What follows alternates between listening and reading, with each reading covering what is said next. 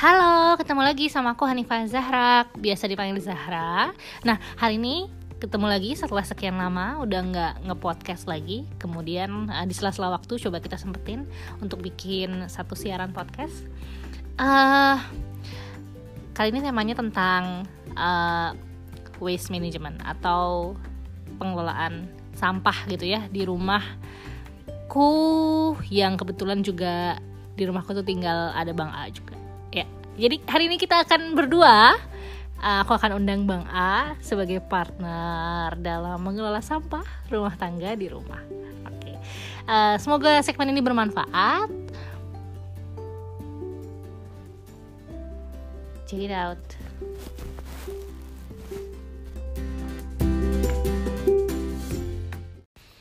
Oke, baik. Uh, jadi beberapa bulan ini atau sudah setahun ya bang ya? Apa dua tahun sih? Dua tahun belakangan sih? Hmm, ya. Kayaknya kurang lebih setahun dua tahun, hampir dua tahun belakangan. Ya pokoknya kurang lebih dalam kurun waktu tersebut ya. Aku belajar tentang pengelolaan sampah rumah tangga. Jadi uh, apa namanya meminimalisir banget sampah yang berujung di apa namanya atau dibuang dan diangkut oleh tukang sampah keliling komplek. Walaupun memang belum uh, ideal banget, masih ada sampah yang dibuang dan dibawa atau diangkut oleh tukang sampah keliling komplek tersebut, tapi minimal untuk sampah-sampah organik itu kita, aku dan Bang A itu berusaha untuk apa namanya pilah. Bagaimana memilahnya? Uh, mungkin selain aku yang ngomong ya kita tanya dari sisi Bang Ahyar. Coba mungkin Bang Ahyar boleh dong apa namanya uraikan bagaimana kita ini memilah sampah anorganik kita di rumah. Silakan. Maksudnya memilah? Memilah itu apa? Jadi lama nih. Memilah artinya memilih-milih. Ya, ayo cepet dong ceritain. Memilah itu melakukan kategorisasi. Iya, melakukan kategorisasi. Boleh dijelasin. Uh, jadi kita tuh di rumah ini uh, bagaimana melakukan pemilahan sampahnya sampah anorganik khususnya ya kategorisasinya yang paling sederhana itu ada kertas kemudian ada plastik kemudian ada logam. Itu yang paling sederhana ya. Nah kemudian di plastiknya itu sendiri ada ada beberapa kategorisasi. Seperti misalnya plastik bening gitu ya kantong kantong plastik yang bening. Kemudian ada apa namanya bungkus makanan seperti snack gitu ya yang dalamnya biasanya ada warna peraknya itu. Ya betul betul. Kemudian uh, bungkus seperti bungkus indomie.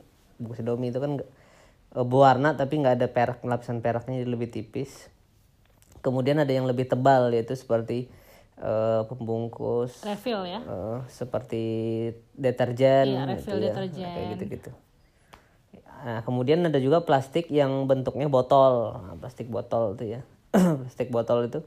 Sebenarnya kalau misalnya dilihat kalau misalnya kategorisasinya mau lebih spesifik itu bisa dilihat di di pantat botolnya itu oh iya betul. kodenya ya? Kodenya ada nomor 1 sampai nomor 7 kalau nggak salah. 6 nah itu tapi kategori itu nggak sedetail itu. Yang penting botol plastik aja botol plastik. Terus uh, ada juga botol botol-botol kosmetik gitu ya. Botol-botol kosmetik itu sebenarnya skincare. itu masuk ke dalam kategori botol plastik. Nah, masuk ke kemudian Tapi kita bedain tau bang, botol plastik iya, bening sama botol plastik skincare. Iya yang berwarna. Hmm. Nah kemudian masuk ke kertas. Nah kertas-kertas ini kategorinya ada tiga ya, kertas karton. Nah karton ini masuk di situ di dalamnya sebenarnya tetra pack juga. Karton-karton itu ya banyak dari ini ya bungkus makanan nasi kotak gitu ya siapa yang nyampah nasi kotak di rumah? Iya Hanifah Zahra lah. Aku bukan beli ya aku dari kantor. Oke okay, terus uh, terus kertas kertas-kertas yang biasanya fotokopian atau ya biasanya fotokopian ya. Atau stroke sama stroke beda lagi tuh stroke. Jadi ada tiga kategori kertas. Pertama kertas karton masuk juga tetra pack di situ. Apa namanya seperti susu kantong hmm. uh, karton hmm, susu. Iya, sebenarnya udah cukup menjelaskan sih. Tuh. Hmm. Kemudian kertas-kertas uh, fotokopian yang lepas gitu ya. Kemudian uh, struk struk belanja. Okay. sama aku juga sih di rumah ini kalau misalnya kertasnya itu ada yang sifat informasinya rahasia mungkin aku shredder terlebih dahulu baru digabungkan Tuh, dihancurkan dulu. tersebut atau dihancurkan dulu gitu supaya informasinya itu tidak jatuh ke tangan yang tidak bertanggung jawab oke selanjutnya selain kertas dan plastik ya logam logam itu eh, apa namanya kaleng-kaleng gitu ya. Eh, misalnya beer brand gitu ya atau Pocari sebut Sweat iya dong nggak apa-apa emang TV apa ini Oh, kalau iya. TV ya sama ini satu lagi Botol, kaca ya iya, botol-botol botol kaca. kaca. ya botol kaca juga kita pisahkan tapi botol kaca jarang sih Iya betul, betul betul. Tapi sebenarnya yang paling bagus di kon apa maksudnya yang daur ulangnya itu bisa sempurna setahu aku tuh kaleng sama kaca sih. Jadi sebenarnya eh, aku pribadi pun kalau belanja berusaha membeli kemasan tersebut supaya ketika didaur ulang itu bisa lebih baik dibandingkan apa namanya plastik. Walaupun sih sebenarnya aku pribadi punya cita-cita sih untuk berganti atau beralih ke deterjen yang lebih alami cuma ini belum ada kompromi yang tepat nih dengan Mbak Ahyar Bang Ahyar belum sempat diomongin dengan lebih mendalam tentang itu Maksudnya terus apa? Ya maksudnya kita harus bisa mengganti ke yang lebih natural natural mahal. Enggak bukan yang, yang ada kok. Enggak ya udah itu dibahas di yang berikutnya. Terus kemudian apa lagi nih pemilahan sampah yang dilakukan? Pemilihan sampah yang yang lain? Eh, tadi tuh kertas tadi ada ada lagi misalnya kar- kardus ya. Oh ya kardus, kardus sama juga, betul. apa namanya apa sih paper bag paper bag yang udah rusak ya nggak bisa dipakai lagi. Ya karena kalau paper bag yang masih bisa dipakai kita juga akan simpan untuk Hmm, reuse. eh, di reuse lagi gitu. Oke terus eh, gimana nih pengalaman memilah sampahnya? Apakah itu repot ataukah seperti apa kalau menurut bang A sendiri? Ya repot. Semua hal yang seperti itu repot. Cuman eh, kata kuncinya adalah di ba, di balik kerepotan itu kan eh sebenarnya repot itu sama dengan ada pengorbanan ya. jadi kalau misalnya repot tanpa ada tanpa ada objektifnya maka kita akan ngeluh kesel gitu. Tapi kalau misalnya repot ada objektifnya maka kita menyebut kerepotan itu sebagai pengorbanan.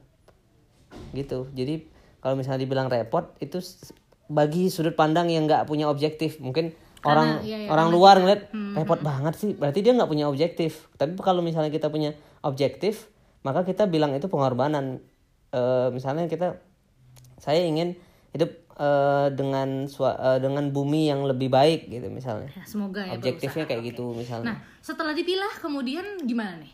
Hah? Ya, apa namanya tadi sampai mana? Jadi setelah dipilah terus kemudian pilah nanti kita nunggu ada event gitu ya misalnya dari apa tuh West for change. ya West for Change kita akan antar ke sana Atau sebenarnya kita juga punya opsi lain sih. Jadi kayak bisa juga baru di tahu nggak juga sih, Bang. Sebenarnya aku udah tahu lama. ya intinya baru tahu lah yang Iya, ya, sekarang bisa kan baru juga pertama dikirim ke The Street Store Indonesia. Itu adalah outlet kelolaan dari Dompet Duafa. Sebenarnya selain itu ada lagi nggak? nggak tahu Oke, terus kemudian bagaimana nih terkait pengelolaan sampah organik di rumah kita? tidak ada pengelolaan sampah organik sampah Kenapa? organik Padahal 60% yang sampah yang berakhir di TPA tuh adalah sampah organik loh. ya itulah salahnya Yang menghasilkan gas metana. benar Mm-mm. masuk ke tong sampah Terus gimana nih? Eh, bagaimana rencananya gitu dalam pemilahan, ah, bukan pemilahan ya? Apa namanya pemanfaatan sampah organik? nggak tahu deh aku belum punya rencana Hmm, aku sebenarnya udah punya rencana sih tentang belajar harusnya sih belajar composting sih, cuma masih dalam proses. Oke. Nah, eh, terus apa nih eh, perubahan dirasakan? Ada perubahan nggak sih semenjak melakukan pemilahan sampah ini dengan sebelum-sebelumnya? hmm? Ada perubahan nggak? Perubahan dalam diri pribadi? nggak ada sih secara secara itu apa namanya Oh, lagi-lagi tuh objektif jadi objektifnya itu kita misalnya dari awal udah pengen masuk ke dalam suatu hidup yang ingin menjaga lingkungan dulu mungkin nggak tahu aja caranya gimana ya konkretnya teknisnya bagaimana sekarang udah tahu. Ya udah berarti meningkat. Jadi level praktisnya meningkat tetapi secara prinsip kan nggak berubah. Menarik sih. Tadi kamu bilang masalah tahu ya, dari tidak tahu menjadi tahu. Nah, siapa nih yang ngasih tahu? yang ngasih tahu ya national geographic lah. Kita jangan apa namanya eh tiru ya hal-hal yang tidak apresiatif dari Bang Akhir ini ya. Jadi apa namanya terkait pemilahan sampah ini memang berproses, tapi kalau aku pribadi perubahan yang aku rasakan adalah sekarang makin mikir sih kalau konsumsi, walaupun apa namanya tidak maksudnya mungkin perubahannya belum yang signifikan banget gitu ya menjadi ke arah less waste atau harapannya bisa menuju ke arah zero waste tapi uh, lebih berpikir sih bahwa ketika misalnya beli snack ah susah banget nanti apa namanya bungkusnya di uh, daur ulang. Atau misalnya juga apa namanya uh, lebih berpikir gitu kalau mau jajan dan lain sebagainya yang pakai single use plastik gitu agak lebih mikir dan lebih bisa menahan diri. Kayak gitu sih. Nah, itu lumayan intinya, kita pernah mau belanja jadi nggak belanja karena lupa bawa kantong. Ya itu juga pernah. Ya. terus juga apa namanya jajan mengurangi dan ternyata ternyata dengan kita melakukan pemilihan sampah kayak aku pribadi pun menyadari bahwa ternyata sampahnya tuh banyak banget gitu. Apalagi kalau aku kan dari kantor hampir selalu dapat makanan apa namanya kotakan. Dan itu apa namanya ternyata sampahnya tuh walaupun aku bukan yang beli sendiri itu juga sampahnya ternyata lumayan gitu. Jadi itu dengan memilah sampah ini aku juga jadi belajar sih bahwa ternyata ada berapa sampah sih yang apa namanya aku hasilkan gitu. Dalam waktu tiga bulan atau ya atau bahkan sehari-hari itu sebenarnya berapa sampah sih oke. Ada ini enggak kalau Bang A sendiri merasakan ada momen yang menyulitkan Bang A untuk bisa melakukan pemilahan sampah tersebut? Kalau aku merasa pas traveling itu tuh agak lebih sulit untuk melakukan pemilahan sampah. Kalau atau menuju less waste itu atau zero waste. Kalau menurut Bang Akhir gimana? Nah kalau misalnya kalo jadi gini konsepnya uh, kita kalau terlalu terlalu ketat dengan hal itu jadi capek sendiri. Jadi mm kita kesel gitu. Mm jadi ada momen ketika kita seperti ada diet gitu ya cheat cheat gitu. Jadi kalau misalnya jadi kalau traveling aku, kamu adalah bagian dari cheating kamu. Ya kalau itu aku nggak terlalu ya bodoh amat ah oh. gitu. Kalau aku pribadi sih sebenarnya agak cukup lebih susah ngebawa bawanya itu kalau itu. Ya karena aku pada kenyataannya agak-agak membawa. Pertama mungkin mengurangi tapi kalau misalnya kadang-kadang nggak bisa kayak misalnya di hotel uh, pasti ada air kemasan ya udah mau nggak mau diminum. Tapi kadang-kadang sih kalau misalnya aku rajin aku suka bawa lagi sampahnya pulang. Walaupun itu merepotkan sih memang tapi ya nggak apa-apa itu adalah upaya yang berbeda. Tapi aku cukup senang sih karena aku dan bang A ini bersama-sama atau bersama-sama melakukan hal ini gitu. Jadi kayak kita sepakat tentang value tersebut kita tahu uh, kita paham bersama maksudnya berusaha bersama mencapai objektif uh, untuk bumi yang lebih baik. Walaupun ya perlahan perlahan-lahan lah. Nah kalau kamu sendiri gimana bang? Eh gimana? Cukup puas nggak dengan apa yang sudah kamu lakukan ini? Belum lah. Apa rencana berikutnya harusnya nggak ada lagi sampahnya tuh. Zero sampahnya, waste itu ya? sampahnya tuh terlalu banyak bayang satu kamar isinya. Satu kamar walaupun itu dikumpulin misalnya empat bulan ya tapi mm. kita ngelihat sampah itu sebanyak itu gitu. Mm. kebayang nggak kalau jadi pada walaupun sampah itu akan di recycle tapi sebenarnya proses pendauran ulang itu kan nggak nggak sempurna sebenarnya. Iya, tidak akan sempurna. Betul sepakat pasti akan kualitas misalnya apakah kualitas plastik pasti menurun, menurun pasti menurun kecuali pasti. kaca dan kaleng itu tadi ya uh, kalau kertas sih pasti menurun dia kertas iya tapi masih jadi uh, pada proses recycle tuh pasti akan ada polusi juga sebenarnya iya betul sepakat jadi uh, yang terbaik adalah dari awal ya mengurangi terbaik ya. mengurangi jadi ke mana-mana bawa botol minum sendiri mm -hmm. uh, tempat makan sendiri mm -hmm. kalau misalnya kalau misalnya uh, belanja bawa kantong belanja sendiri. Atau minta dibungkus pakai kardus. Iya cuman ada ada yang sulitnya adalah kalau kita beli sayur yang organik gitu biasanya udah diplastikin gitu susah juga. Hmm, jadi sekarang sayurnya juga kalau organik diplastikin ya karena iya. sebenarnya kayaknya cep karena cepat busuk gak sih bang? Enggak kan biar dia terlihat premium aja itu. Oh ya itu sih apa namanya uh, pengalaman jadi kita. industrinya belum belum jadi industri itu melihat orang yang berbelanja organik ini tidak bukan orang yang peduli sama lingkungan jatuhnya tapi peduli hanya peduli pada kesehatan sifatnya belum gitu. sampai mungkin belum ya. Iya ya jadi apa namanya itu adalah perjalanan kita berdua dalam pengolahan sampah pemilahan sampah ya. Harapannya sih semoga bisa lebih baik. Kalau aku pribadi targetnya setelah ini uh, mau belajar tentang composting mengkompos di rumah. Jadi apa namanya karena ternyata setelah tahu fakta bahwa hampir 60% gitu ya sampah yang berakhir di TPA itu adalah sampah eh, organik yang menghasilkan gas metana itu kayak cukup memotivasi juga sih sampah dapur gitu. Oke, ada pesan-pesan nggak terakhir nih bang sebelum kita tutup ada pesan-pesan nggak buat teman-teman yang mungkin mendengarkan podcast ini gitu ya terkait pemilahan sampah ini? Apakah kamu akan mengkampanyekan untuk memulai juga memilah sampah atau seperti apa nih?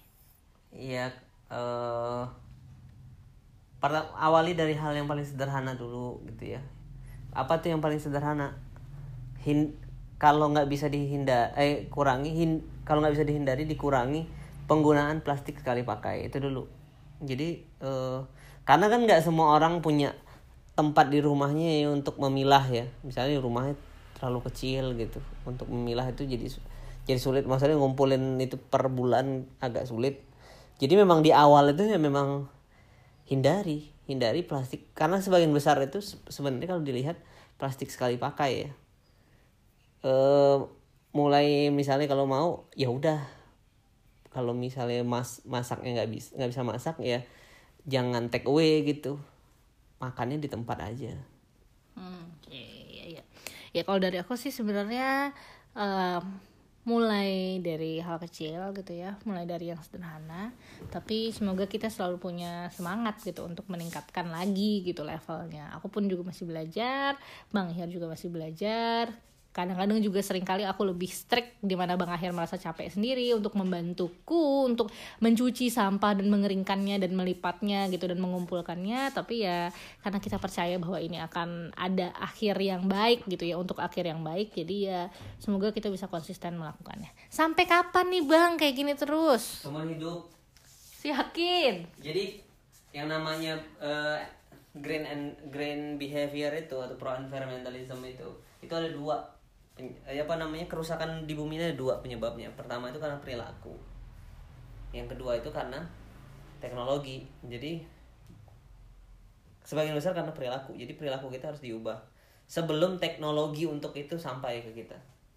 ya aku juga kalau teknologi udah sampai ke situ ya kita nggak perlu lagi misalnya kita ada teknologi yang mengubah plastik menjadi tanah misalnya minyak nih yang udah yang udah berhasil di limbah ya kan kita nggak tahu. Jadi belum sampai ke kita kan teknologi itu. Jadi kalau teknologi karena teknologi belum sampai ke kita ya udah kita yang harus mengubah perilaku kita. Karena mengubah perilaku itu secara prinsip lebih cepat sebenarnya walaupun lebih susah lebih cepat daripada perkembangan teknologi. Dan mungkin dampaknya juga sebenarnya lebih mikro ya tapi ya nggak apa-apa gitu. Kita mulai dari hal sederhana kita mulai dari hal yang kecil dan kita mulai dari sekarang gitu. Jadi apa namanya eh, kadang-kadang aku tahu sih beberapa orang mungkin menganggapku kayak eh, itu tuh nggak berdampak signifikan apa yang aku lakukan. Aku nggak menampik itu betul juga gitu. Tapi ya nggak apa-apa. Itu dalam keterbatasan individual yang aku miliki ya eh, inilah usaha atau ikhtiar yang masih bisa aku lakukan.